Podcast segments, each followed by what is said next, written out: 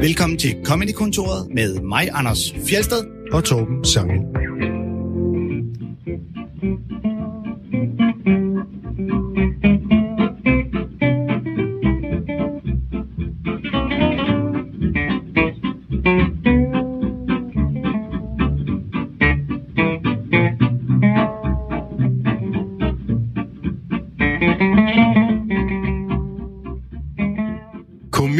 Handler tit om det, som vi har til fælles, og hvis der er én ting, vi har til fælles, så er det, at vi skal dø. ja, allerede der er der en masse morskab. Døden er selvfølgelig et alvorligt emne, men som alle alvorlige emner, så kan man også behandle døden komisk, og det skal vi høre nogle eksempler på i dagens Comedy-kontoret, hvor vores gæst er en komiker, der selv har lavet et helt show om døden, nemlig Ane Høsberg. Velkommen til dig, Ane. Tusind tak, Torben.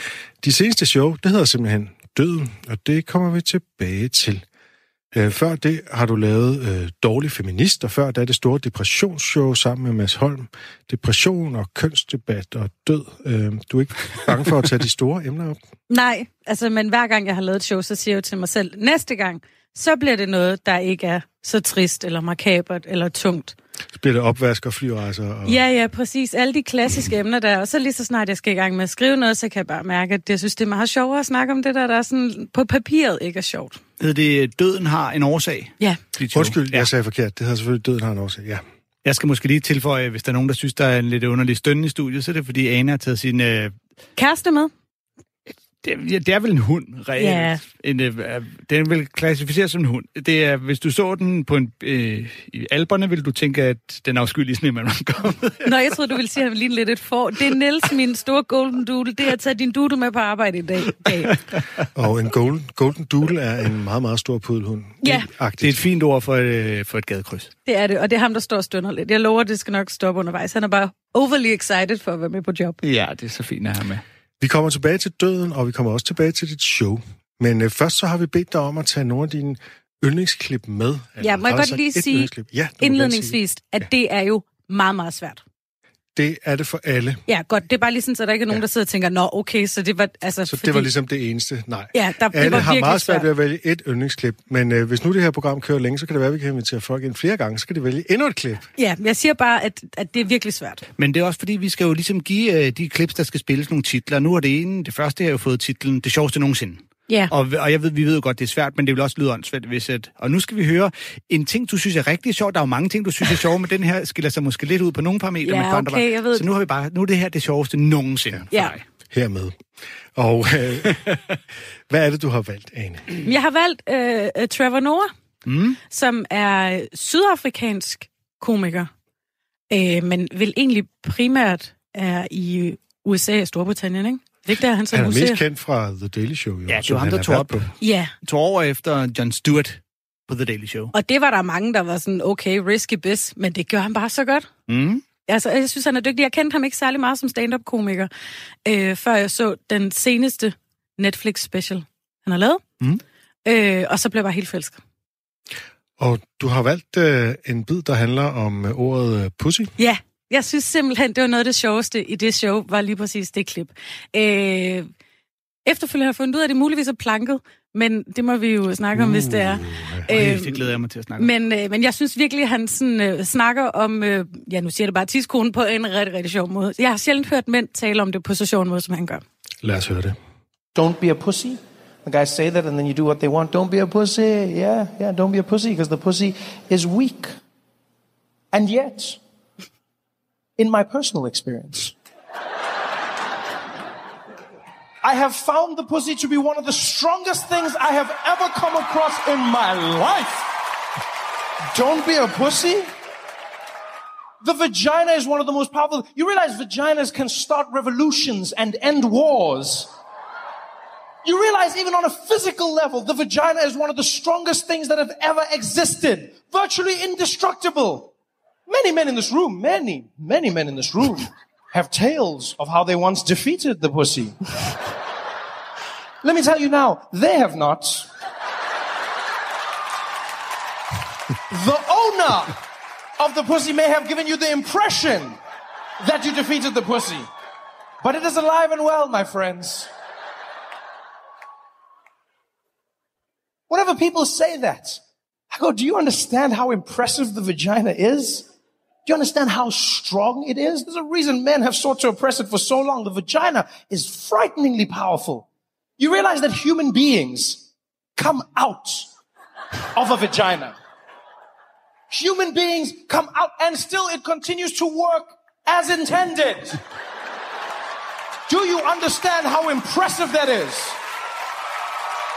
Like, I don't know if I'm the only one, but New York, do you understand? A human being, a human being comes out of the vagina and still it continues to operate as it continues to work. After a human has just come out, you're saying it's weak. A human came out of the vagina. You just sit on a penis wrong and it breaks. You just.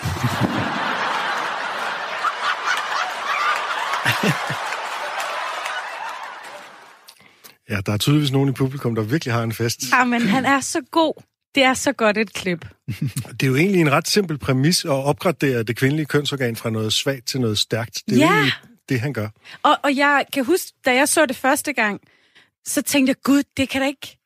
Hvorfor har jeg ikke tænkt på det? Eller sådan, det synes jeg var de bedste jokes. Det er dem, hvor man selv som komiker tænker, ej, Ja, hvorfor har jeg ikke fundet på det? Ja, det er helt rigtigt. Men Fordi måske det for- sådan, går ind i hjernen et eller andet helt særligt sted og tænker, det er bare sådan universelt sjovt. Men det er jo også knyttet til, til det engelske sprog, fordi på dansk, der bruger vi jo ikke altså tissekone om, om, Nej. nogen, om, om tøsedrenge. Der kalder vi dem så tøsedrenge. Ja, så vi er bruger det. jo ikke altså, det ord, kan man sige. Men Nej, jeg det er synes bare, det er virkelig godt. Ja, ja fordi det, er, det tager udgangspunkt netop i, i udtrykket, at man bruger pussy som værende noget lidt nedladende, eller noget om nogen, der er slap eller svage. Eller... Ja, ligesom vi bruger, lidt ligesom, ligesom vi bruger tøsedrenge, ikke? ja. Øh, som jo også er et, et problematisk ord. Eller svans har man gjort meget i Danmark, ikke? Slapsvans og sådan noget. Slapsvans, Ja. ja. Ja, fordi, ja, og jeg, men, øh, er det på nogen måde bundet op på, at pussy jo også er en kat? Nej, det tror jeg ikke. Mm, Nej. At man sådan tænker, katte og står du slappe. Nej, men det er den netop om, om altså, at man vælger at kalde en uh, tissekone for en, uh, det samme ord, som man bruger for en kat. Om der så er noget i, at, du ved, at, at man tænker, at den er, er slap på, på en eller anden måde. Nej, Nej, okay. Nej, det tror jeg det bliver, det bliver et nej herfra. Altså. Men vi ved ikke, det er jo en høne og ægget, hvad der kom først, ikke tissekonen eller katten, men altså... men Jeg tror nok, at altså, det er først missekat, og så er det så blevet til, fordi den har den her pels, så er det blevet til et slangudtryk for en... Ah, en øh, og kløer og ni liv. Ja, præcis derfor. men man kan jo tænke lidt over, hvilke... Altså på dansk, der øh, har vi også sådan noget, altså det her med, med kønsorganer, øh, om de er positivt eller negativt lavet, ikke? Jo. Altså, det er jo positivt lavet, at han nosser, Ja. men hvis noget er pikkedumt, så er det jo negativt lavet. Hvis vi nu Ej, tager det har jeg nogle aldrig hørt før. Nå, okay. Det, Det lyder som en meget snæver reference i din interne omgangskreds. Så, ah, Ane. ej, det er da pikke dumt. Det har du ikke hørt. Jeg ved godt, man bruger pissedumt mere. Det har du hørt. Ja, det har jeg hørt. Så, så altså latrinære ting, altså øh, tis og lort er selvfølgelig Ja. sådan, øh, altid negativt lavet, stort set, ikke? Men på dansk ville man jo sige, at hvis der var en, der var en idiot, så var han et pikhoved. Ja, Ja, det Ej, ville du- man det har du ikke? hørt af. Vil nærmest Ja. kunne lave den samme joke, som Trevor Noah laver med pikhoved, hvor man siger, det er jo en, der er åndssvagt, men pikhovedet er jo Ikke det åndssvagt. smarte, Fantastisk. Glinsende smukt. følsomme giver af liv. Ja, Det vil ikke blive lige så godt. nej, det vil ikke, det vil ikke kunne lige så meget, synes jeg. Men den, er, den her bid er jo Ej, for fantastisk. der ligger jo også en feministisk øh, øh, dagsorden inde bag det her, som også altså, er grunden til, tror jeg, at så mange publikum, de er så meget op at køre, som de er. Ja, jeg tror, at Trevor Noah er jo langt hen ad vejen måske sådan øh, meget øh, front skråstreg galionsfigur for en, en ny øh, type af komik og komikere, der kommer nu, ikke, som er meget øh, politisk korrekte, men stadigvæk rigtig sjove. Mm. Fordi jeg synes, der har, personligt synes jeg, der har været en periode af politisk korrekte komikere, som ikke var særlig sjove. Øh, men nu kommer der ligesom nogen, der kan. Og jeg synes, han er bestemt en af dem, ikke? Du har jo selv lavet showet, som jeg var inde på, der hedder Dårlig Feminist. Ja. Og det er vel sådan et forsøg på at adressere det der uden selv at puste din egen glorie. Ja, det, det er det vel på en eller anden måde. Det er jo i hvert fald sådan en kommentar på meget af den snak, der var i den danske stand-up-branche og i det danske samfund lige der i 2016-17 stykker. Men øh, jeg, jeg synes, jeg er enig med Annie i, at den her er en super, øh, super sjov vid. Øh, og, og han så lige slutter den af med netop bare lige at lave parallellen til tissemanden. Den er simpelthen så skrøbelig og sårbar. Ja. Hvis Og man sætter sig på den, så... Ja. Og tissekonen. Altså, jeg vil så sige, at jeg hørte det, og jeg grinede, men jeg var sådan lidt, jeg har aldrig, det kan godt være, det er bare min omgangskreds, jeg har aldrig mødt en fyr, der sagde, jeg har dræbt den fisse.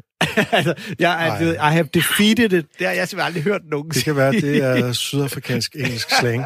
Øhm, vi skal øh, høre et øh, klip mere, og nu skal vi høre et klip med øh, Jonathan Spang. Ja, Idolet, det er jo den, vi kalder idolet. ja.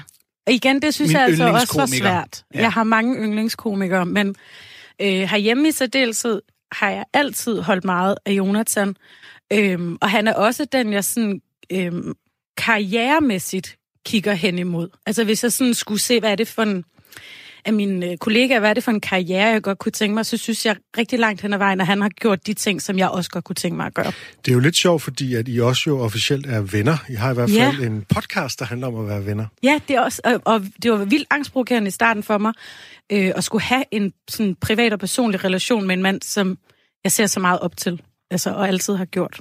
Og stadig gør, selvom I så har lavet den podcast i Ja, årvis. meget. Jeg synes, han er rigtig dygtig, og jeg synes virkelig, han, sådan, han har lært mig mange ting, øh, både sådan i det private, men også øh, som publikum til hans shows.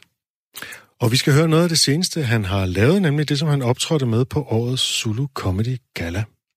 Jeg ved da godt, jeg springer lidt rundt i det. Det er typisk mig, men I skal være glade for, at det ikke min kæreste, fortæller den her historie. Så havde I virkelig været på arbejde med at finde ud af, hvad der var hoved og hale i det her.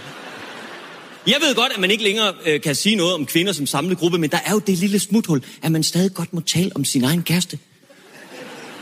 Og min kæreste er elendig til at fortælle historier. Kun min kæreste.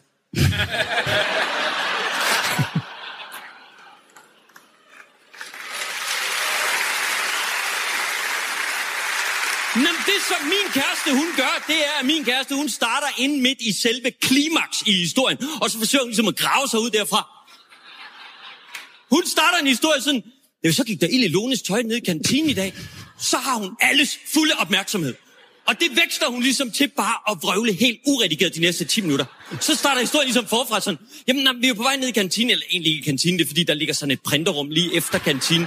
Eller ikke, det er jo ikke printer, der står faktisk også en kopimaskine derinde, så det er jo sådan noget lidt multimedie, men bare med sådan forskellige, hvor det alt sammen kommer ud på papir.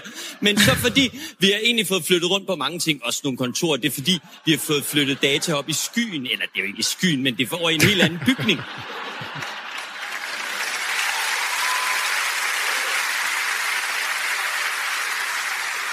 Og det er smertefuldt at se på. Hun har tabt alle. Det er som at se et menneske, der puster i den forkerte ende af en trompet. Det er svært ikke lige at prøve at hjælpe lige. Åh, oh, hvis du lige vender den om, nu skal på at se her. Men hvis jeg hjælper, hun bliver rasende. Jeg fortæller på min måde. Ja, det gør du godt nok. Din måde, der er forkert. Det er ligesom at være ude og køre sammen. Du ved, at sige, vi skulle have drejet der. Ja, det synes jeg ikke. Nej, men det er der, dine forældre bor. Jamen, og hvis hun så bare kun fortalte historier fra hendes egen arbejdsplads, men vi bor sammen, der er jo flere og flere historier, der er fælles. Men nogle gange sidder man til et middagsselskab, så begynder hun på et eller andet, jeg tænker, nej, nej, nej, den er da alt for god til dig. Jamen, det er jo noget materiale, som du ved, jeg kunne have fået guld ud af. Den skulle lige løftes og times og smashes, og hun smider det hen ad jorden sådan. Ja, kunsten at fortælle en historie. Ja. Øh, Anders, vi har jo faktisk, øh, øh, vi underviser på en stand-up-skole sammen, og der har vi jo også mm. en undervisningsgang om at fortælle anekdoter. Ja. Og øh, en af de grundlæggende ting, det er jo lige præcis det der med at skære ind til benet og undlade ligegyldige detaljer, som ikke er sjove. Mm. Ja. Og så lægger han jo ud, jeg kan godt lide den måde, han ligesom lægger ud med, at jeg ved ikke, om det er meta, men han ligesom øh, kommer en, øh, en generalisering i forkøbet. Ja. Fordi at for nogle år siden ville man have sagt, kvinder kan bare ikke fortælle historier. Og der findes stadig komikere, ingen nævnt, ingen glemt, der typisk vil lave øh, kvinder gør sådan og sådan, udelukkende vurderet ud fra, hvordan hans kone altid gør tingene. Ja, ja, eller en gør- sammensmeltning af alle de kvinder. Ja, lige præcis. Han har Ikke? Du ved, nu liv. har jeg oplevet, at øh, min kone er dårlig til det her. Det må betyde, at kvinder kan ikke finde ud af at stille tallerkener i opvaskemaskinen. Ja. Og der er det jo bare sjovt, at han netop bare vender den om, fordi han ved, at alle kender den her generalisering. Så nu siger jeg det lige, det er kun, kun min, kun min kæreste, der ikke kan finde ud af For det mig Det er en utrolig elegant måde at slippe udenom det der på, og samtidig få sagt noget interessant, og ligesom også stå ved, at det er med udgangspunkt i hans kæreste. Ikke? Og, og samtidig indirekte sige, at ja, det er sgu nok noget, der gælder for rigtig mange kvinder. Altså, for mig er det i hvert fald, det er min mor. Det er det, mm. jeg kan sådan... Da jeg hører den der bid, så kan jeg bare mærke, det er Jeg- op ad dage med Ja. ja. moms, altså. Jeg kender også nogle kvinder, der virkelig er ude på nogle lange øh, ja. hvad hedder det, detours, når ja. de skal fortælle øh, omveje, når de skal fortælle en historie. Jeg vil også sige, det var Anes mor. Jamen, det er det. Er det. Hun er, har Det er også bedt hende om at lade være med at ringe nu, til dig, Anders, og fortælle historier. Så, øh, Men jeg synes, men... han er så dygtig, Jonathan, og jeg synes virkelig sådan, at han, øh, han har været med til at udfordre genren, stand-up-genren, sindssygt meget i løbet af de sådan, små 20 år, han har optrådt, øh, og var en af sådan, de første, jeg kan huske i hvert fald, som gik væk fra at have håndholdt mikrofon, men fik øh, sådan Madonna-mikrofon, bøjlemikrofon på i stedet for, og altså ud over Madison, også været vildt god til at tage en masse sådan, teaterelementer med ind, når han laver sine shows. Han er uddannet skuespiller. Det er han, og han øh, har arbejdet med, med scenekunst på forskellige måder. Og jeg synes bare, at han har, han har virkelig sådan rykket ved tingene i forhold til, hvad man gør i gåsøjne. Ikke? Fordi der i stand-up er sådan et helt klart dogme om, hvordan man optræder. Mm. Og det skal være en fyr i midten af 20'erne med en mikrofon og en stenvæg, og så et glas vand, og så er der ikke mere der. Og t-shirt på. Og t-shirt, ja. Og der synes jeg virkelig, at han har sådan været med til at rykke på, hvordan vi ser øh, comedy og komik i Danmark. Ja. Det er Man meget kan beundringsværdigt. i øjeblikket se ham på tur med det show, der hedder Typisk, Ja, som man vist lige kan nå, hvis man er hurtig. det kan man. De, de spiller stadig i december. Ja. Så øh, ja, fordi du sagde jo, da vi spurgte dig, idolet, øh, hvem er du helst, øh, hvem ser du mest op til? Så først så nævnte du jo Louis C.K. Ja. faktisk, og så sagde vi, ja, men det kan være, vi måske skal spille noget andet senere. Har du andre idoler? Og så sagde du med sammen, Jonathan. Ja. Og øh, ja, det var også, øh, man kan sige, den ene er din rigtige ven, den anden, han ville sikkert gerne have dig med på kontor. Ah, men jeg vil... Altså, det skulle ikke være det, det kom, kom an på, hvis Nej. Det var. Nej, okay. Godt. Jeg tror, vi fortsætter. Du lytter til Comedy-kontoret med Torben Sangel og Anders Fjeldsted. Vores gæst i dag er komiker Ane Høsberg. Og nu skal det handle om døden, som er dagens tema, for hvad er mere sjovt end døden? I sidste uge, der talte vi om et andet mundret tema, nemlig voldtægt i stand-up. og øh, Er det et festprogram, det her? Der gjorde jeg meget ud af at forklare, hvordan man kan behandle smertefulde og sådan forfærdelige emner komisk, uden at bagatellisere dem. Men at man faktisk kan bruge stand-up-mediet til at få sagt noget vigtigt, og den smør vil jeg ikke gentage. Men det gælder selvfølgelig også døden. Ane, Ja, du har altså lavet et helt show om døden. Hvorfor gjorde du egentlig det? jamen, det, øh, det startede for lang tid siden, hvor jeg ligesom besluttede mig for, at jeg gerne ville lave et show, der var lidt tungt, eller i hvert fald var om et tungt emne. Jeg kan godt lide udfordringen i, at der er nogen, der fortæller mig, det kan man ikke lave sjov med, og at jeg så lykkes med det. Har du hørt nogen, der har sagt, at man kan ikke lave sjov om døden, eller døden er et tabu, eller sådan noget? Ja, altså jeg synes, jeg har mødt det en del gange i forbindelse med øh, både det store depressionsshow og Dårlig Feminist, at der ligesom, øh, det er tit journalister, synes jeg, der gerne ligesom vil stille nogle teser op for, om der er noget, man ikke kan lave sjov med. Og så synes jeg tit, at en af de emner, der bliver nævnt i den forbindelse, er død. Øh, og der er jeg bare sådan skruet sammen, at hvis der, man fortæller mig, at der er noget, jeg ikke kan, så vil jeg virkelig gerne prøve at bevise, at det kan man godt. Og det eksploderede fuldstændig for mig, da Kim Larsen han døde. Alle og deres fucking bedstemor havde en eller anden Kim Larsen-anekdote, de bare lige skulle af med. Det var sindssygt. Jeg læste en avisoverskrift, der hed, min far har arbejdet med Kim Larsens far. Hvad? Hvad? Er vi enige om, det ikke er en rigtig historie? Hvordan kan der ikke være en chefredaktør, der har sagt, Nå, det der, ej, det printer vi ikke lige. Men det er ikke vanvittigt. Alle på Facebook var bare sådan, jeg har faktisk engang mødt Kim Larsen jo. Med nogle venner. 5.000 venner. Nej, du har været til koncert, Kenneth. Det har vi sgu da for helvede alle sammen. Han har spillet en milliard år. Jeg, jeg, jeg, jeg, kunne- jeg, kunne- jeg kunne slet ikke have det. Jeg kunne slet ikke have det. Og der, der, var, der, var, der, var, der var mindekoncerter og fakkeloptog, og jeg har ikke set så meget palaver siden Kaler udgav en jubilæumsvase. Altså, jeg kan ikke... Jeg kan ikke have det. Også fordi, nu siger jeg lige noget. Øh, rigtig upopulært. Nummer et, Kim Larsen. Ikke særlig rar. Og det ved jeg, for jeg har faktisk mødt ham. Øh, nummer to, Kim Larsen har ikke rigtig lavet et godt nummer i 15 år.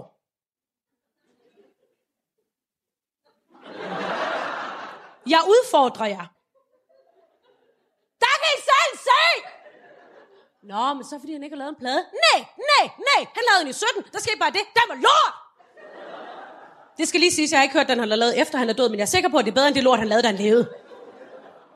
Jamen, jeg siger det bare. Jeg siger det bare. Og der er altid nogen, der bliver sure og sådan, åh nej, køb bananer var der meget fedt. Ja, for 79! Jeg siger bare, det er ikke meget palaver at lave for en mand, der ligesom kun har lavet noget godt for 40 år siden. Han har ikke lavet noget godt i 15 år. Ikke i 15 år. Jeg siger det bare. Det er meget larm at lave. Det vil man ikke gøre på andre arbejdspladser. Det er jo ikke sådan, at Henning nede for HR, han dør, og folk er sådan, skal vi lige holde et engagement eller noget? Jeg siger, nej. Nej, det skal vi faktisk ikke. Han har ikke lavet andet end at skide i kopimaskine i 15 år. Jeg gider det ikke.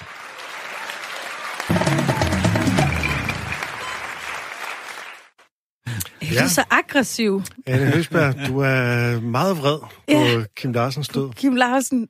Jamen, jeg har faktisk mødt ham nogle gange, fordi at jeg har arbejdet på en øh, bar inde i byen. Og nu, altså, han, er, han var ikke særlig rar. Øhm, altså her i København? Ja. Nå. Ej, nu bliver jeg helt lyst. hørte Jeg det troede kun, først han på Radio Boogies. 4 i Comedy kun, han Kim Larsen var ikke særlig rar. Jamen, det er der jo ikke nogen, det, der, det der, kan der vel ikke komme bag på nogen. Altså, hele den her bid handler øh, om hyggeleriet, når kendte mennesker dør. Ja. Mm. Øh, som jeg synes bare bliver helt vildt tydeligt. Især når, øh, da Kim Larsen han døde, også da prins Henrik han døde, ikke? som Danmark bare har været så grove ved. Og så Ja. lige da han døde, så har folk bare... De elskede ham bare. Ja. Jamen, det havde Fuldstændig også. glemt, hvor modbydelige folk har været, altså. Med prins Henrik havde det også lidt sådan, alle de søde ting, I siger nu, skulle I næsten have fortalt ham, da han levede. Ja, så tror jeg også, det har været bedre de sidste 10 år på en eller anden måde. Jeg sidder og hører den her bid, og så, kan, så tænker jeg, hvad er det for et 15 år gammelt nummer, du synes, der er godt? Ja, fordi da du siger 15 år, så tænker jeg, nej, 40 år. Og så siger du selv senere 40 år, men så går du tilbage til 15 år. Hvad Jamen, er det for et jeg- 15 år Men jeg gammelt? kan, 15 jo, år. nu kan jeg ikke huske, hvad det er, men det var, jeg researchede på Jylland, det. er mere end 15 år gammel. Jamen, jeg researchede på det, og jeg tror måske, at det er, øhm, det er noget, han har lavet med Kuken. Der var i hvert fald sådan, da jeg sad og kiggede en masse numre igennem, så tænkte jeg, jeg synes faktisk selv, det der, det er meget godt, og det var sådan cirka 15 år siden. Okay. Men det er åbenbart ikke uforglemmeligt, eftersom du ikke kan huske, hvad det var for et godt nummer. Nej, men det var for, at der ikke skulle komme nogen og sige til mig bagefter, ej, Det er da også dårligt. Ja. ja. men, øh, men det er fedt også, at du tager den her ting op øh, altså, i et emne om døden, og så snakker om Kim Larsen, der er død, hvilket jo i sig selv er grænseoverskridende, at tage det standpunkt, der hedder, jeg synes ikke, han var rar, han har lavet dårlig musik, det er jo i sig selv er virkelig øh, farlig grund at træde i, øh, i Danmark, ikke? fordi han var jo så folkelig. ja, og jeg, Alles idol, så. Øh, jeg lavede showet i Odense også. og Han døde ikke særlig kort eller lang tid før jeg var afsted med showet. Der var måske gået et halvt år eller sådan noget, tror jeg. Øh, og da jeg, Hvordan lavede gik det, jokesene, inden han var død? da jeg lavede det i Odense, der var der sådan en, en stemning af... "Ah!" Ja. Fordi det var der, han ligesom øh, boede. ja. Øhm, og jeg havde også nogle overvejelser i forhold til, at han jo øh, har nogle efterladte. At mm-hmm. jeg sådan tænkte, om det var for meget. Men så blev jeg enig med mig selv om, at det synes jeg ikke, det var. Så skulle du prøve at lave H.C. Andersen jokes i Odense. Uh. Okay. Men det, er jo, men det er jo også altså netop det der med, det er jo nogle overvejelser, man må gøre sig, når man joker om, nu lavede vi jo voldtægtsjokes øh, sidste uge, om, om døden. Kommer vi til at kunne sove nogen med det her? Altså, Ja. Og man kan sige, den der død, det er jo, altså, det er jo i forhold til voldtægtsjokes utrolig nemt, fordi de kommer ikke til at høre det.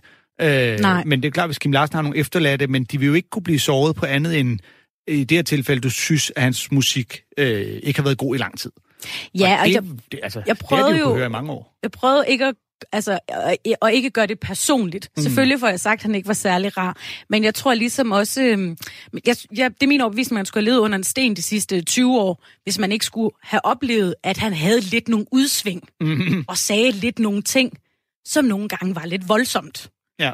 Øh, så jeg synes ikke, jeg sådan outer nogen. Og, øhm, og jeg får jo ikke ligesom fortalt nogle personlige ting i forhold til ham. Og det handler, jo- det handler jo heller ikke om, at det er sjovt, at han er død. Det handler jo netop, som du siger, om folks hyggeleri, og den der med, uge han er død, og hvor er det hele fantastisk og sådan noget. Ikke? Jo, og, og noget af det, som den bid også handler om, er, at... Øh, hvad fanden hedder han? Han var død lige inden. Ej, det er jo med i biden. Nå, nu er det helt væk. Ja. Øh, jo, øh, Benny Andersen Benny. Andersen, var død. Jeg har ikke lavet et godt digt. Jamen, han var død kort tid for inden, at Kim Larsen døde. Sådan noget en uge eller sådan noget. Og det, altså, det, det var der ingen, der kunne huske overhovedet, fordi alt det med Kim Larsen, det er virkelig bare... Mm. Og det er ret vildt, at man kunne overgå Benny Andersen. Jamen, det er fordi det, jeg hvis nogen mener. er folkekær, så... Og der blev også sat sådan en eller anden fuldstændig vanvittig ramme for, hvordan vi behandler kendte mennesker. Hvad når Steffen Brandt, han dør? Altså, hvis Aarhus ikke spontant går i ild, så Thomas ved jeg ikke, hvad der skal ske præcis. Altså, det var lige så meget det, det handlede om, og ikke så meget Kim Larsen. Nej, nej. Men, og, og fordi det er jo netop... Øh, at det der, han har ikke lavet noget god musik, og alle var bare, ej, vi kommer sådan til at savne ham. Nej, nej, altså, Altså rent øh, øh, kunstnerisk har han jo været væk rigtig mange år. Ja, ja, altså, pladerne er der jo stadigvæk. Det er jo så fint et, øh, et point, det synes jeg. Og øh, her i Comedy-kontoret, der tillader vi os at nørde lidt, og nu prøver vi lige at nørde lidt ekstra meget her med gæstens øh, egen bid, og ligesom mm. gå også ned i nogle af de tekniske detaljer. Uh, angstprovokerende. Nej, nej. En af de ting, som du gør, det er jo, at du laver en sammenligning med kælervasen, og det hysteri, der var der. Og sammenligning er jo sådan en klassisk ting inden for observationskomik. Man siger ligesom, det er ligesom et eller andet. Det svarer jo til. Det svarer jo til. Ja. Ja, og du har ikke oplevet lignende hysteri siden... Kælervasen. Ja. Og det er jo sådan en, en, øh, en reference, de fleste vil kunne genkende, og som også fik mig til at grine, fordi der er sådan et eller andet, og samtidig er det, der er lidt noget lidt absurd i at sammenligne Kim Larsen og en kælervase. Ja. Især fordi, så der ligger også en, en forklejnelse i det. Altså, du gør Kim Larsen lidt mindre ved at sammenligne ham med den der kælervase, som øh, har en, kan man sige, lidt lavere kulturel status, end Kim Larsen generelt har. Jamen, overvejelserne gik faktisk på, om jeg skulle sammenligne det med kælervasen, eller det palaver, der var med de Dyrekort. dyrekort, nemlig. Eller, Dyrekort. Ja. ja, men jeg blev enig med mig selv om, at det var lidt for intern. En, der er noget med sådan nogle bilkakort, og så var der en masse forældre, der blev hysteriske over, at man ikke kunne få de, det dyr, de manglede, og børnene Okay, skulle jeg- bytte internt. Og, og jeg tænkte også over det der med, der var sådan en Frozen-koncert inde på Hovedbanegården, Ja, eller nej, på øh, Rådhuspladsen i København. Ja, det var nede på Nytorv. Eller Det var sådan, det var. der, Ja. Som også var kæmpe drama. Men jeg blev enig om, de to andre var sådan lidt for interne og lidt for lang tid siden. Og det der med kælervæsen var bare meget sådan ikonisk. Men det er alle tre eksempler på, hvor folk er gået øh, uforholdsmæssigt meget amok over noget, der er en lille bit ting. Ja, præcis. Og i øjeblikket, så har vi jo en vis medisterpølse i øh, Aldi. Ja. Vintermedister. Julevintermedister. Jeg er Ja. ikke åben den dør. Nu sidder jeg og bliver Nej, helt ej. jamen det skal vi ikke tale mere om. Vi, lad os ikke tale mere om det. Medistergate. Vi bliver så vrede. Okay, ja. øhm, så laver du en overførsel, hvis nu det var en almindelig medarbejder på et eller andet kontor, Ja. øh, som du så kalder Henning, og tidligere har du brugt navnet øh, Kenneth. Kenneth.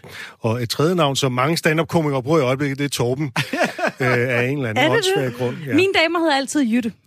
ja. Hvorfor er nogle øh, navne sjovere end andre i første omgang? Åh, oh, jamen det ved jeg ikke. Det er jo det, der er med ord. At man, nogle gange kan man ikke forklare, hvorfor de er sjove. Der er bare nogle bogstaver, der er bedre end andre bogstaver. Og Henning og Torben og Kenneth, jeg ved ikke. Altså, Kenneth er jo meget en type. Altså, Det er lidt et Brian navn. Ja, navnet er, præcis. Det, Ja. Navnet er meget en Er type. Torben også en type, Ane? Nu skal du være ærlig. Ej, det synes jeg faktisk Det ikke, er sådan en Torben skaldet er. fyr med fuldskæg. Jeg kender også en hund, der hedder Torben, så på den måde, så fagner det navn meget bredt, synes jeg. Din egen hund hedder Niels.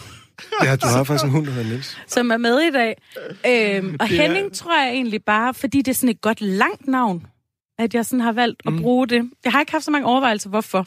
Der er bare rigtig mange. Altså Henning har det været op gennem nullerne, været den sådan default navn, man ligesom brugte. Og så er det som om, det er blevet erstattet af Torben de sidste par år, har jeg iagtaget. Men det du, øh, godt være. Du laver overførselen til uh, random fyr på et arbejde, Ja. der ikke... Uh, har, ikke alene har han ikke lavet noget godt i 40 år, han har til synligheden uh, været decideret uh, skrækkelig Ja. skidt i kopimaskinen. Og det synes jeg jo egentlig også. Overvejede du at, uh, at bruge et kendt eksempel? Altså finde en anden uh, kendt person, vi alle sammen kender, som vi alle sammen kan blive enige om. Det er øh, mange år siden, han har udrettet noget som helst, vi uh, ville sætte pris på. Nej, det har jeg faktisk slet ikke overvejet. Nej, okay. Og Det jeg- var sådan meget naturligt, synes jeg, det var den vej, det gik. Ja, fordi den overførsel, du laver, er jo, er jo netop helt klassisk øh, og god, og, øh, men, men for, ja, da jeg hørte den, der var min tanke nemlig sådan noget, du ved, ah, øh, Dennis Rommedal, han har ikke spillet en god, eller Niklas Bentner har ikke spillet en god fodboldkamp i 15 år, vi synes stadig, han er fantastisk agtig. Nå, Så jeg ja. tænkte, det kunne godt være, man kunne have fundet en, et eksempel på en, man kendte, Jeg tror bare, jeg tænkte, det skal være så let genkendeligt som overhovedet muligt. og, en, muligt. der, og så tænkte du på en, der skider en Ja, kopimaskine. vi kender altid den der, alle sammen den der, der er træls på arbejde. ja, det er det. Hele Anne Høsbergs show kan ses på TV2 Play. Ja, det kan sgu så. Du lytter til Comedy-kontoret med Torben Sangel, Og Anders Fjelsted. og øh, vi er i gang med vores tema om døden, og vi skal videre til øh, Norm MacDonald og åbningen af hans, efter min mening, bedste show, Me Doing Stand-Up fra Yeah. 2011. Øhm, er der noget, vi skal sige, eller skal vi bare sætte det på, Anders? Nej, ikke andet som du siger, at det er simpelthen øh, showets start. Altså han vælger simpelthen Ja. at åbne på at snakke om døden. Lad os høre det. Thanks for coming out. The greatest San Francisco, greatest city, and uh, the amazing uh, Fillmore, unbelievable. It's good to be alive. You know what I mean? Isn't it? That's what I say. That's what I like. That I find that to be the goodest thing there is to be alive. And uh, the reason it's so good is because it's so bad to be dead. It's not like life's so fucking great, but compared to being smothered in earth. So I just every day I'm happy not. That's my goal in life is not to die. Everybody need a goal. And so that's my New Year's resolution every year. I go, I'm not going to die. I think actually scientists should kind of look into that whole death thing because uh, they seem to focus on diseases. And, uh, you know, I don't give a fuck about them because, you know, the guy go, hey, you got, uh, we fixed your uh, arthritis. And they go, I'm still going to die. They go, yeah.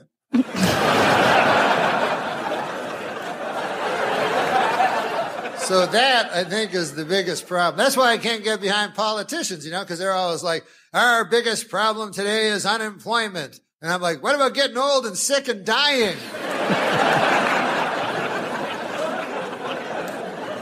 And they usher me out the back way, you know, but seriously, if there was a politician ever that said, by my second term, there will be no death, I go, I'm voting for that fucker. I'd, put, I'd just give that guy all my money and I'd sit on a chair. Sometimes I actually think I won't die. You ever think that? You go, fuck it, I'm not dying. But in your mind, when you know you analyze, you realize, you know, like, like I'm, you know, my dad died and my grandfather died and my great grandfather died, you know, and the guy before him, I don't know, probably died. I think he died. Because otherwise he'd be on uh, extra. No, I I come from a long line of death. That's my point. That's my point. Ja, vi må antage, at Extra, det er en eller anden form for tv-show, der viser freaks, øh, ja. som for eksempel en 200 år gammel mand jo så ville være. Han føler ikke er død. Han fortsætter så den her bid, vi har kun halvdelen, første halvdel af biden, fortsætter med, efter min mening, noget, der er bedre, det har jeg så også skændtes med Anders om, øh, nemlig hvor han taler om hjertet som det, der egentlig slår os ihjel. Det er jo ikke, det er jo ikke flystyrt og bjørne og sådan noget, som vi ellers går og frygter at slå os ihjel. Det er vores eget hjerte. Ja. Nå. Men, det skal man, ja, men det er rigtigt. Men han, altså, jeg synes, at han er helt fantastisk. Hele hans levering. Altså, han siger alting, som om det er noget, han lige sådan, Nå, jeg står lige og tænker over det her. Ja, ja. Han mumler også en smule, Ja, ja, og sådan mumler har det sådan et drevne stemme. Men det er nogle gode greb at bruge, Han kan det der, ikke ikke? sige resolution. Ja, men det er nogle gode greb at bruge, det der med at få det til at, altså en god måde at få det til at lyde som om, at det opstår lige nu, Ja, ja, som jo og- er den bedste illusion i hele verden. Og det er ikke sådan noget, her kommer der en punchline, padabara, det er mere sådan, yeah, I don't know, yeah, probably. Ja, ja. Uh, så, uh, I'm voting for that fucker. Uh. Og publikum ved jo godt, at det er indstuderet, og at han udmærket ved, hvad han skal sige og sådan noget, men med, som du siger, Ane, man vil jo gerne have en eller anden sådan fornemmelse af, af, af spontanitet, fordi Ja. det gør det mere levende, simpelthen. Ikke? Og det er også noget af det, som, øh, som vores næste Louis C.K., han er altså sindssygt god til, den naturlige levering. Ikke? Jo, det er helt formidabelt, det der. Det er virkelig sådan, hvad hedder han? er det ikke Doc Stanhope også, som Jo. har sådan en Jo. meget... Det, altså, det kunne lige så godt være noget, han lige fandt Ja, man på. tænker, hvis, hvis, vi bare, hvis jeg bare stod og snakkede med Norm MacDonald lige her ved siden af, så ville han nok snakke til mig på præcis samme måde og sige tingene på samme måde. Præcis. Han, Han, øh, øh... Virkelig en kunst at gøre det der. Han er lidt overset fyr, han har lavet noget Saturday Night Live, så bliver han vist endda smidt ud af øh, Saturday Night Live-holdet, fordi han lavede lidt for mange af den slags jokes, som man ikke må sige på øh, landstækkende amerikansk tv, og så er man kommet lidt Og tilbage så har han igen, også og- været med i en sitcom og sådan noget. Ja, ja. Ja, han har været forskellige steder. Han har også et talkshow nu på Netflix og tidligere på YouTube. Ja. Han, Jeg synes, han det, er, er, det er fantastisk at starte hele sit show med netop øh, den der, it's fantastic to be alive, det er jo sådan en kliché, ja. og så simpelthen lige tage, bare tage venten som i, hvad er alternativet egentlig? Ja. Jamen, det er jo at være død. Godt, at de to ting. Altså, der man vil sikkert kunne finde nogen, hvor man kan diskutere, hvad der er fedest. Øh, det kunne godt være, der er nogen, der mener, det er sikkert meget fedt at være død. Men i udgangspunktet, ja, hvis vi kunne vælge, de fleste af os vælger, helst være i live. Det er super fedt. Altså, jeg synes simpelthen, det er så sjovt taget. Og så den der logik med, at øh, politikere og videnskabsfolk, de burde øh, sørge for, at vi ikke døde, i stedet for Ja, at jeg det andet, de render og fletter med arbejdsløshed og den slags bagateller i forhold til døden. Ikke? Ja. Ja. Det, er jo på, det er jo sådan halvt halvt absurd og halvt logisk, ikke? Jo. Øh, og det er jo den der med at tage sådan en, en, øh, en logik, som vi et eller andet sted godt kan følge, samtidig med, at vi godt ved, at det, politikere kan jo ikke gøre noget ved, at vi dør. Ja, ja, fuldstændig. Det, er- der, er- vi er alle sammen enige om, det er det største problem overhovedet, men så snart man begynder at snakke om det, som i, hvorfor løser vi det så ikke? Så man siger, det, det, det, Jamen, det kan vi jo ikke. Det er, jo, det er jo faktisk så stort et problem, at vi slet ikke tænker det som et problem. Det er det, der er sagen. Det er vores største problem overhovedet, og vi giver det, altså vi, vi tænker ikke på det som et problem, vi tænker på det som et vilkår, ikke? Ja. Jo. Og da han så samtidig netop laver den der, hvor han siger, der er faktisk nogle gange, hvor jeg tror, jeg dør der ikke. Og man sidder og tænker, ja, det gør jeg da også nogle gange, du ved. Hvorfor har du ikke cykelhjelm på? Jeg er ikke den, der styrter. Jeg er usårlig. Og, og han så rationerer, øh, kommer med det der, men, åh ja, selvfølgelig, vi ved jo godt, at vi alle sammen skal dø. Men hans rationale er jo, fordi at min far døde, min farfar døde, min bedstefar I come from a line of Ja. death. Og, og det er også sådan, hold kæft, det er en dum måde at, at, at antage, at dør jeg jo nok også, fordi... Det viser sig, at alle de andre også døde. Og øh, vi skal videre med døden. Vi skal til en af vores alle tres yndlingskomikere, nemlig Louis C.K., som øh, har en nærmest filosofisk og også sådan øh, samtidig absurd indgang til døden. Uh, thank you. Hello, everybody. Um, hello. I mean, by everybody, I mean uh, you guys. Uh, I mean everybody who's here. It's really, I shouldn't say everybody because uh, uh, most people are not here. by a, by a pretty huge majority, most people are not here. Most people are in China, actually. that's true.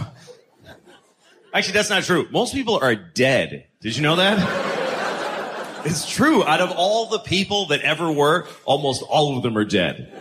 There are way more dead people. And you're all gonna die. And, and then you're gonna be dead for way longer than you're alive. Like that's mostly what you're ever gonna be. You're just dead people that didn't die yet. That's, There are so many dead people. Ray Charles is dead. Hitler. A bunch of other ones. But mostly those two guys. And- it's true. Ray Charles and Hitler are both dead. And really, it's the only thing they have in common because otherwise, they're very different dudes. Many contrasts between Hitler and Ray Charles. I'm going to tell you a few of them. Um, Ray Charles was black. Hitler was not. Hitler killed several Jews. Too many. I'll say too many. He killed an excessive amount of Jews. He really beat that thing to the ground. He killed away. He just, no moderation. Ray Charles, meanwhile, hardly any Jews. he killed so few Jews. Han er så god. Jeg er nødt til at sige, at jeg har hørt den her bid mindst 30 gange, og jeg griner stadig af den, og det er efter min mening den bedste åbning på et stand-up show nogensinde, og det er fra showet Hilarious fra 2010. Og det er jo Øh. skægt, hvordan vi, vi har taget nu to eksempler fra to øh, virkelig store, rutinerede, dygtige komikere, der åbner showet på at tale om døden. Ja. Simpelthen gå direkte på det emne, som de fleste jo må vil sige, det her det er svært, det skal man altså lige passe på, og det er farligt, og, og hvis du kommer galt afsted. Og... Men nu må jeg lige sige, altså jeg mødte, da jeg besluttede mig for at lave showet, ligesom fik sendt en pressemeddelelse ud og sådan noget, skulle til at lave presse på det, så mødte jeg jo rigtig meget fra journalister, der sagde, jamen er det ikke et kæmpe stort tabu, og må man godt lave show med det, og sådan noget. Og det kan godt være, at jeg bare kommer i en meget snæver kreds af meget åbne mennesker, men jeg synes ikke, det er så stort et tabu. Hmm. Og jeg synes i særdeleshed ikke, det er et stort tabu på stand-up-scenen. Der er der masser af mine kollegaer, vores kollegaer, der taler om død på en eller anden måde. Mm, altså om det så er at styrte ned med et fly, eller om det er at køre galt, eller om det er at have mistet nogen i familien, eller altså selv have bakset med sygdom og sådan noget. Jeg synes virkelig ikke, at det er så, øh, så grænseoverskridende, som, som nogle mennesker gerne vil gøre det til. Nej, også fordi Tak for når det. du snakker om det på et helt generelt øh, plan, så er det jo som når McDonald's, når McDonald's siger noget, det gør vi jo alle sammen. Altså, Ja. så, så, så på den måde, så er vi jo alle sammen indforstået med det, og det er jo, det er jo klart, det kan blive mere øh, ømfindtigt, hvis du snakker om øh, baby, vuggedød, babydød, spæd, altså, eller øh, sådan noget, øh, rovmor og den slags, ikke? så kan det blive sådan lidt, uh. men hvis du bare snakker om døden på en generel plan, så er det jo altså, Og det- en og- livsbetingelse, som du siger, Torben. Og det er jo det, Louis C.K. Han, øh, han gør her, og det, som han gør, er dybt originalt. Altså, jeg har, jeg har simpelthen ikke hørt noget som det her, hverken før eller siden. Det, som han gør gennem hele den her bid, det er at lege med proportioner hele tiden. Mm. Altså overdrivelse og underdrivelse, Ja. og bruge nogle ord, som, som er sådan uforholdsmæssigt øh, øh, i forhold til, hvad det egentlig er, han taler om. Ikke? Jo. Så når han taler om noget meget alvorligt, så bruger han sådan nogle, altså, øh, øh, Hitler, Hitler killed uh, way too many Jews, eller hvad det er, han siger, ikke? Ja. Altså, de der ting, ligesom an excessive amount of Jews, og uh, Ray Charles, hardly any Jews. Ja. Altså, det der med at gøre det absolute relativt og omvendt, øh, det er faktisk det, som hele den her bid handler om, og det er simpelthen så sublimt gjort, for det er i høj grad nogle logisk sproglige ting. Egentlig så er der ikke nogen, øh, der er ikke nogen andre jokes end præcis de der sproglige ting, for egentlig så, så fortæller han bare facts. Han opregner sådan set bare facts, men det er de der mm. proportionsord, Ja.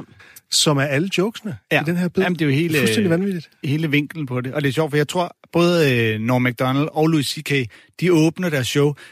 Det er faktisk, gør de jo altså noget parallelt her. Og, jeg, og mit gæt er, at øh, joken simpelthen er opstået ud fra de klichéer, vi oftest bruger, når vi starter et show. Når McDonald går ind og siger, good to be alive. Ja. Kæmpe kliché. Så har han tænkt, godt, den, hvad kan vi gøre ved den? Så er det, han øh, vender den om. Hvad er alternativet? Og øh, Louis C.K. kommer ind og siger, øh, hello everybody. Og så finder han ud af, at det er åndssvagt, fordi det er jo her jo ikke everybody. Det er jo kun jer, der er her.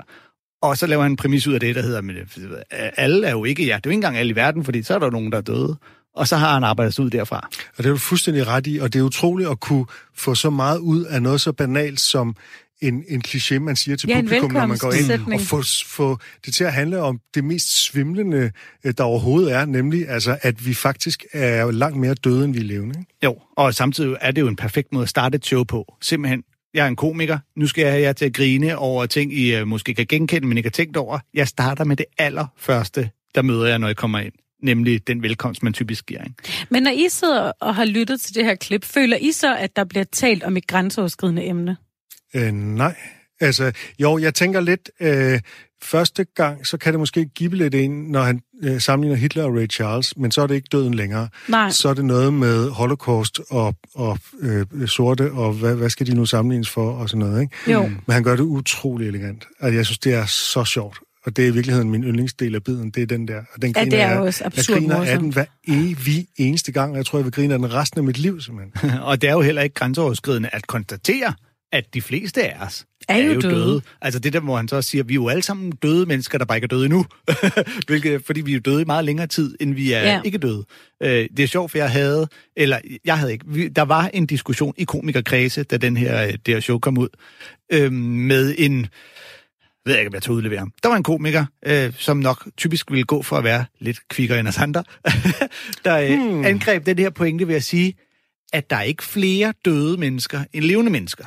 Fordi befolkningstallet er simpelthen steget så eksponentielt de sidste år. Men det er forkert. Og det, og det, var, det diskuterede vi jo lidt, før vi så fandt ud af, ej, der, der er faktisk flere. Altså, der, er, der er mere end de der 8 milliarder, der er nået at dø, selvom der måske kun var øh, 10 millioner mennesker på jorden for... Jeg har selvfølgelig googlet det, Anders, og øh, 6% af menneskeheden er i live i dag. Okay, Nå, kun 6 procent. Alle, der har nogensinde har Alle, der været... nogensinde har levet i verden, der er 6% levende i dag. Det er alligevel ret mange i forhold til, øh, hvor mange 100.000 år vi har levet. Ej, man har lyst til at sige, hvem har talt alle de døde? Det er et estimat. Men hvis man nåede frem til 6 procent, så er der også en maven at tage af.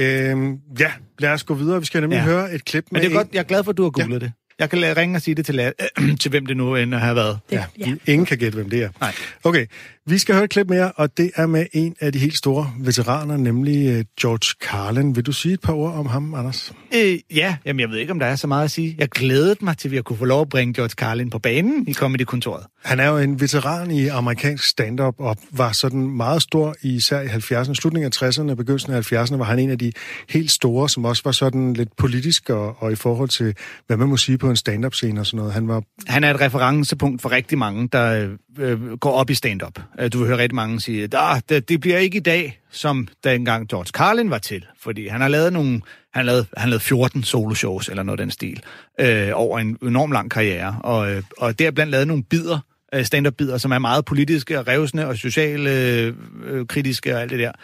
Øhm, så derfor, han lavede også brutto jokes. det overser man måske lidt, men det gør han også. Prutter er sjov. Det skal vi have Altid. en, et udsendelse om en dag. men, men her i øh, 2006 skal vi høre en bid om det tunge emne selvmord. Ja, vi slutter på, øh, i den tunge ende. Og øh, det er fra 2006, så der er han nærmest 70 år gammel. Ja. Øh, og taler altså om selvmord.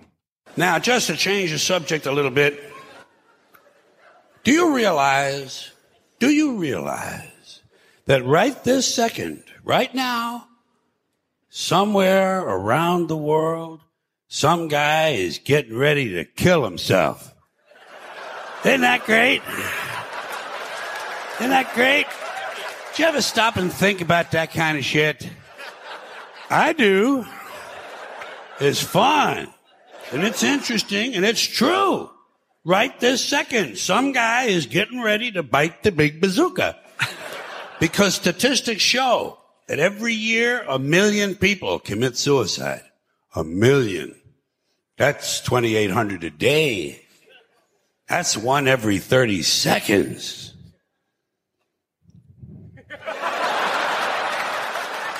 There goes another guy.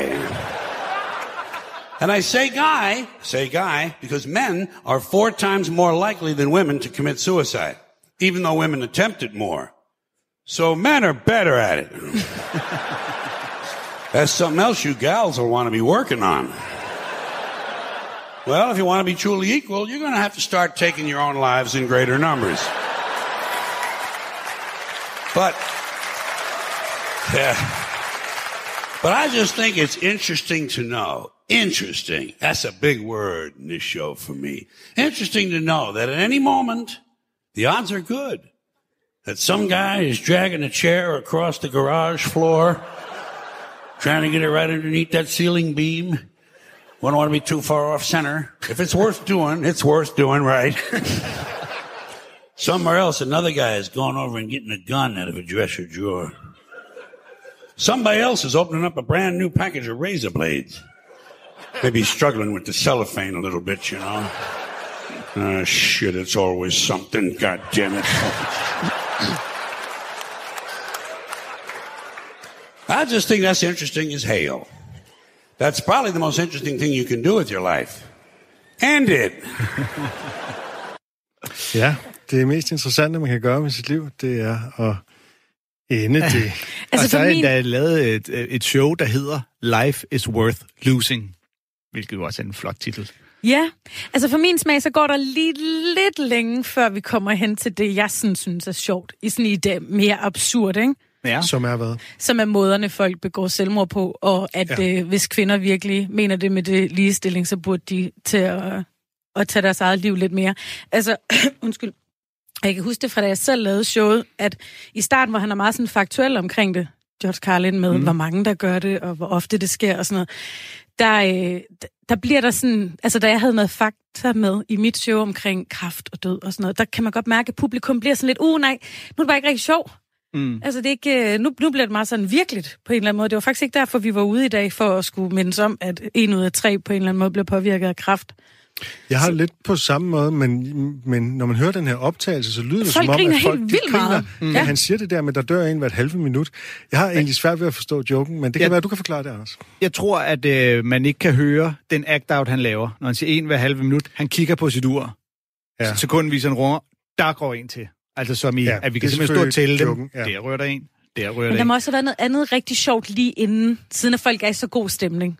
Ja. Altså, han må have lavet en, en, en virkelig god punchline, lige inden han når dertil. Lige inden han begynder at snakke om selvmord. Ja. ja, det har han nok. Det kan jeg ærligt talt ikke huske, hvad for en bid, der ligger lige op til. Jeg synes jo, i forhold til de andre bidder, den her er mere, øhm, hvad skal man sige, farlig. Ja. Altså, fordi selvmord, nu er vi inde i et område af døden, som faktisk er, kan være lidt grænseoverskridende for nogen. Hvis man kender en, der... øh, Altså, fordi der snakker vi om døden på en måde, som ikke nogen ønsker det, andet end den, der selvfølgelig gør det, men altså... ja, Hvor og det, som har enormt mange impliceret, ikke? Altså, hvor der sidder nogle efterladte tilbage, som har rigtig mange følelser i spil. Ja, så, så, så, så, så der har han virkelig noget på spil, når han bringer det, og han så samtidig kan gøre det til en, øh, en kønsting. Altså, Ja, der blev det vildt sjovt, synes jeg.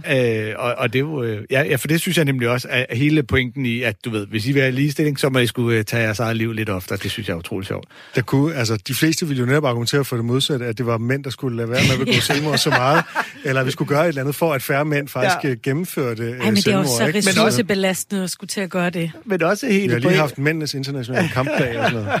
Men også netop hele pointen i, at øh, kvinder jo åbenbart prøver at begå selvmord Ja. oftere end mænd. I, I dårlige til det, mand. Det er også sjovt. Øh, øh, det er nemlig rigtig skægt. Og så, og så den måde, han kan få... Fordi da han begynder at beskrive, der er en, der begynder, lige nu en, der gør klar til at hænge sig selv, eller finder pistolen, øh, og han så begynder på det der med at pakke barberbladene Ja. op, ikke? Du tager simpelthen noget af det mest seriøse i hele verden. En fyr, der forbereder at tage sit liv på en i øvrigt af min antagelse, hvis du vælger at snitte dig øh, din pulsår med barberblad.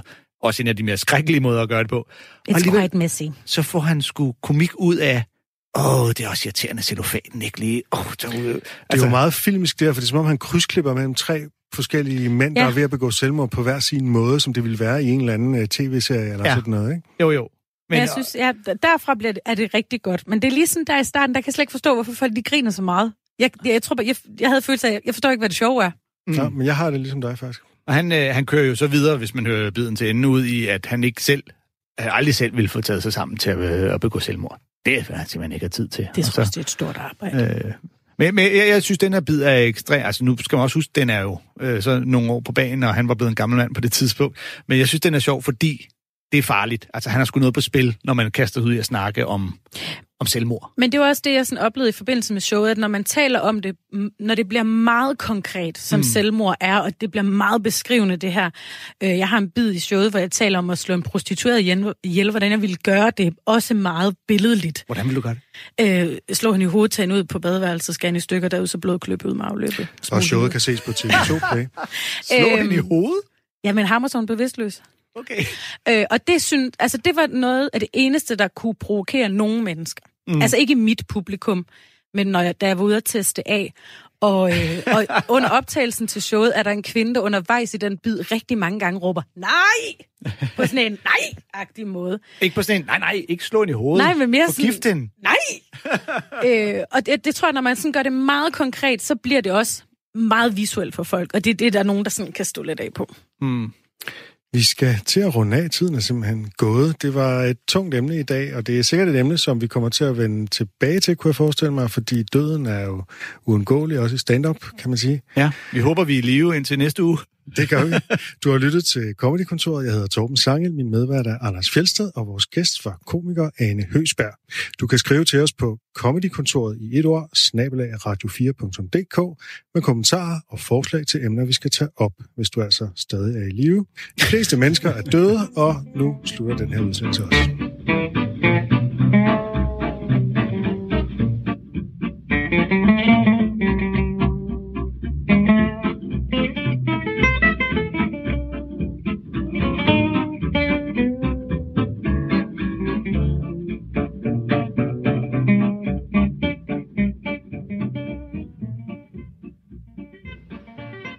Comedykontoret har vi talt om selvmord, og det er sådan, at når man taler om selvmord, så skal man sige det her.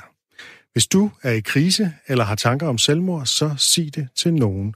Du kan kontakte Livslinjens telefonrådgivning på 70 201 201, altså 70 201 201, og det kan du alle dage fra 11 til 04.